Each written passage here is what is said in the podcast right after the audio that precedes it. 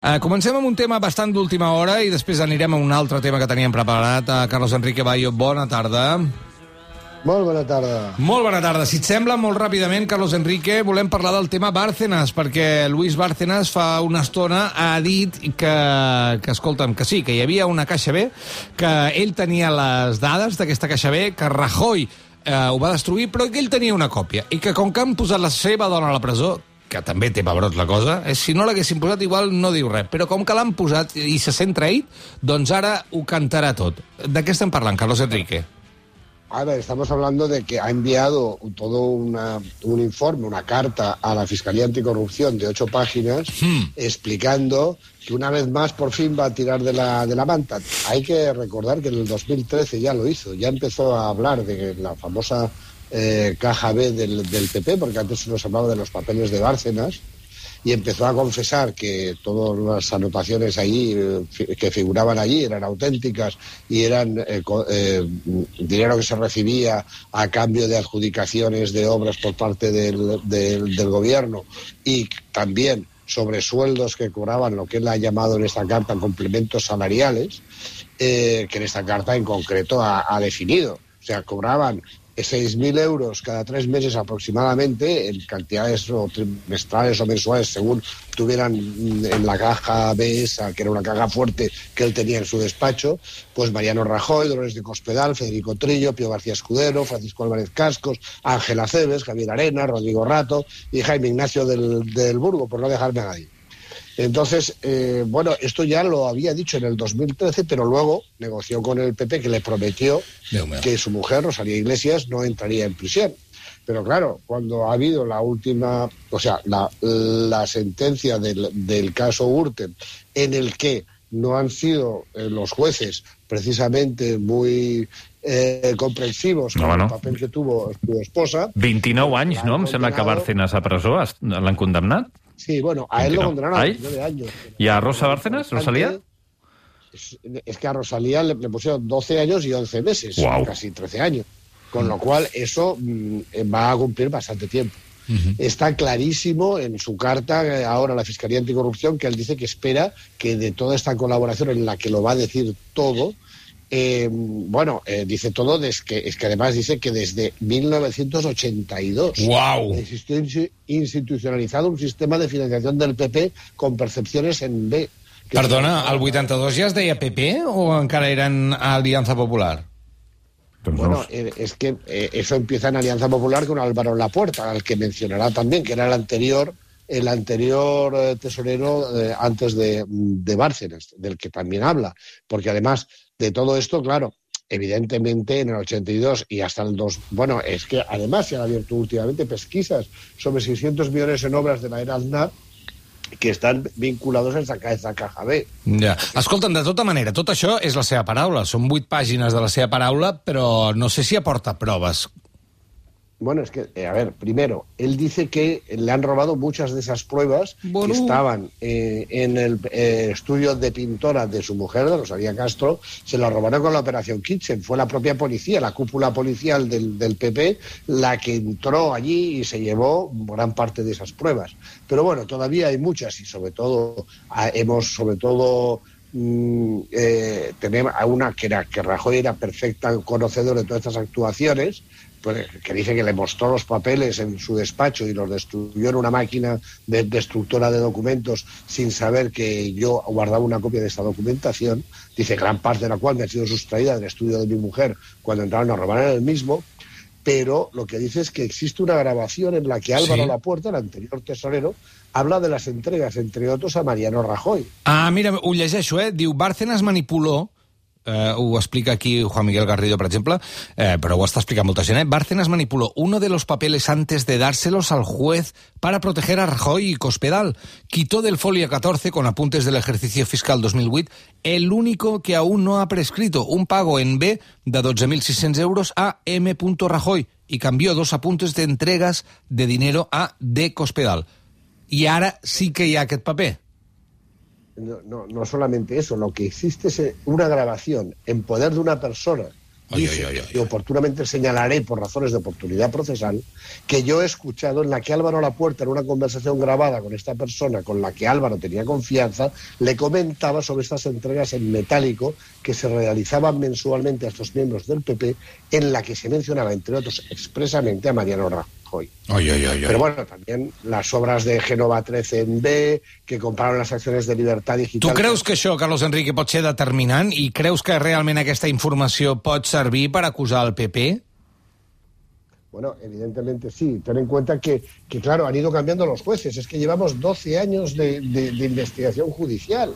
Pero bueno, han sido ya condenados 67 personas, 25 de ellos altos eh, cargos, excargos del, del, del, PP, en 11 sentencias. Quedan seis causas pendientes y, bueno, mm, desde luego, ahora ha cambiado por tercera vez el juez, que ha asumido la, la instrucción del caso, los papeles de Bárcenas, la caja B, que es Santiago Pedraz, y ha dicho que, bueno, que, que en vista de que van encontrando ya las pruebas finalmente del cohecho, porque uh -huh. aquí estamos olvidando primero que, claro, que se apartó a Manuel Morocho, que fue el policía que inició esas investigaciones, el, claro, la cúpula policial del PP lo apartó de las investigaciones, pero ahora vuelve a estar en, en, en ellas y por fin ha encontrado, después de tanta búsqueda, ha encontrado el cohecho en esa caja B. Es decir, que esas donaciones estaban vinculadas vale. a que a cambio les daven adjudicacions. Aquesta és la notícia d'última hora.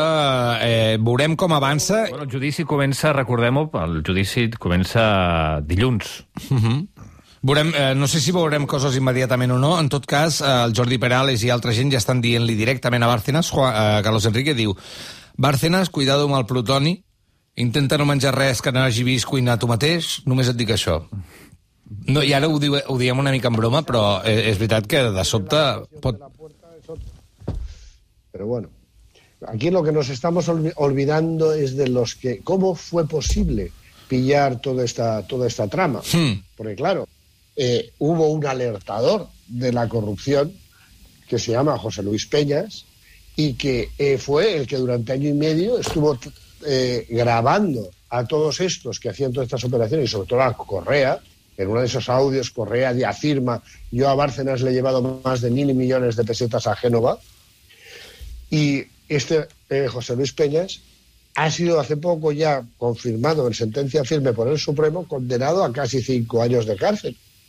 O sea que no vamos ni siquiera a ayudar a los que denuncian estas Ahora. cosas, porque claro, Ahora. él para para eh, poder denunciar esa red tenia que estar dentro. Si no estava dentro, no podia gravar-les a tots. I aquí és on lliguem una informació amb l'altra, perquè avui firmes una informació a, a Público que diu que 7 de cada 10 espanyols consideren que caldria protegir les persones que alerten de casos de corrupció, encara que per fer-ho estiguin revelant informacions secretes. Són les dades d'una enquesta feta per l'ONG Blue, eh, l'ONG Blueprint for eh, Free Speech per protegir precisament la gent que denuncia que casos com, per exemple, aquest de corrupció, perquè no estan protegits. És més, a vegades són acusats i són amb sentències eh, que els acaben portant a presó, i a vegades són agredits. Sí, sí, sí, son, son agredidos. Bueno, a José Luis Peñas, a este hombre, le agredieron con su niño de tres años en los brazos. Es que, eh, pero bueno, es que hace muy poco, en mayo pasado, a Roberto Macías, que, que, que fue el que reveló todo el escándalo de las facturas falsas de, de UGT Andalucía, en que utilizaban los fondos para formación de los desempleados, para todo lo que sea, para hasta para la feria de, de, abril, y él y filtró, copió en un pendrive, porque estaba empleado en la administración de, de aquello, copió, lo copió en un pendrive y, y, lo, y, y lo hizo público pasa, a través de, de los periodistas, y lo que ha hecho cuando además ya ha sido mm, aprobada, llevaba, mm, hace más de un año fue aprobada la directiva europea que exige que se proteja a los denunciantes de corrupción, sí. pues nuestra fiscalía y nuestra, y nuestra juez que, que, lo condenó, condenó a este hombre a, por, a dos años de, mm, de prisión por revelación de secretos. Però això quina, quina broma pesada és, això?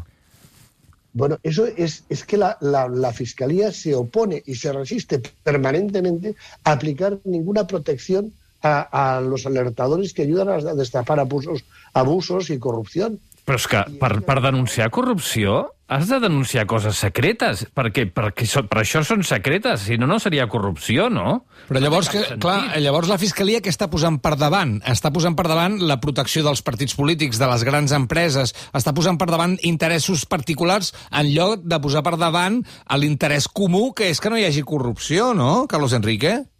No solo eso, es que además lo que están provocando es que la gente no se atreve a, claro. a alertar, a denunciar esa corrupción, porque esto no les ha pasado solo a Roberto Macías y a José Luis Peña, sino también a Ana Garrido, también a, al teniente Segura cuando ha denunciado corrupción en el ejército. Es que todos los denunciantes de corrupción en España han sido perseguidos. En varios casos han sido condenados por la justicia mucho antes de que se juzgasen los hechos gravísimos que ellos eh, denunciaban.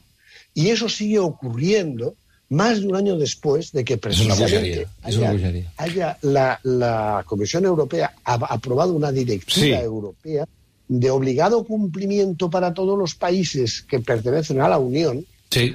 ¿Y en qué se escudan ahora para seguir persiguiendo a los, a los denunciantes de, de corrupción? ¿En qué? Pues eh, a que, claro, lo que se da es un plazo largo para que se eh, transponga esa directiva al código penal de, de, cada uno de los países, porque las leyes no se pueden cambiar eh, de, uh -huh. de, la noche a la mañana.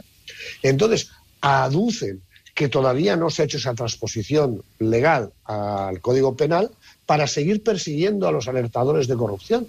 Eso es una barbaridad. És una bogeria. Però la data límit per aplicar aquesta directiva europea, quina és? No, a ver, vamos a ver. La directiva europea fue votada en la Eurocámara, Hmm. aprobada por el Parlamento, eh, fue, fue aprobada en julio del 2019 y entró en vigor después de ya de, de promulgarse por la Comisión Europea, entró en vigor el 17 de diciembre de 2019. Sí. Desde aquel momento ya se tenía que haber empezado a Claro. proteger a los alertadores de, de corrupción. Es que, porque, porque es que ya es obligatorio concederles pro- pro- pro- protección pero eso no lo, no lo han hecho los, los, los, fiscales ni el gobierno español, porque los ha permitido, están, están todos en la ruina, están, están sin dinero, sin trabajo, algunos han tenido que huir del, del país, algunos, como bueno, también están los del eh, caso Cursac, por ejemplo, sí, sí. el testigo protegido 29, que después de que le quemaran la cara a los mafiosos con un hierro candente, tuvo que huir a Suiza y refugiarse allí. Pues siguen sin proteger a eso eh, pues eh, alegando que la directiva vale. eh, no, no ha sido transpuesta a la Vale, però insisteixo, hi ha d'haver un moment que eh, és igual, que, que ho han d'aplicar. de, de... Quina és la data límit perquè vulguin o no vulguin ho hagin d'aplicar això i hagin de protegir? De hecho, termina en, este próximo julio. Pero es que no se ha hecho casi nada. Eso, eso se le ha, el Ministerio de Justicia tampoco ha hecho prácticamente nada ahora, porque lo único que ha hecho es pasar a la Comisión General de Codificación, algo que es francamente sorprendente porque es una comisión antigua, burocrática, ¿no? que empiece a hacer los, los trámites. Y esta ha tardado más de un año en hacer lo que, lo que esta vez es uno de los requisitos que también se ponen, que se haga una consulta pública sobre esa transposición legal. Y entonces la ha hecho hace poco, hace unos 15 días, envió esa consulta pública con cantidad de, errores y de, y de, o sea, con una desidia absoluta, hasta el punto de que no utilizan en una sola vez el término alertador o alerta en el texto de, de la consulta que hacen y utiliza denunciante cuando eso no puede ser, porque es que en nuestro ordenamiento jurídico ya existen eh, el, el, los conceptos de denuncia y de denunciante, los artículos 259, 25, 269 de la ley de enjuiciamiento criminal, con lo cual disponen unas definiciones que, por ejemplo, tienen la obligatoriedad de denunciar a, a autoridades eh, o a las empresas que muchos de los alertadores no pueden hacer, porque uh -huh. inmediatamente son víctimas de represalias. Se exigen además que se identifiquen. Bueno, és que tot això no puede ser. És que és al·lucinant. Per una última cosa, a, a Carlos Enrique. Si s'arriba finalment, a, finalment a transposar aquesta directiva o s'aplica una llei pròpia espanyola, tota la gent que haurà estat condemnada el sortiria de la presó gràcia de manera retroactiva o no? No, tendrán que indultarles. Els haurien d'indultar. Vinga, vinga. Eh, el mismo José Luis Peñas tienen que ser indultados porque el Supremo recientemente eh, eh, dio en firme en función a las leyes que, que, que tenemos Sí, ahora. sí, clar, si tu tens una llei, l'has d'aplicar. És així també, clar.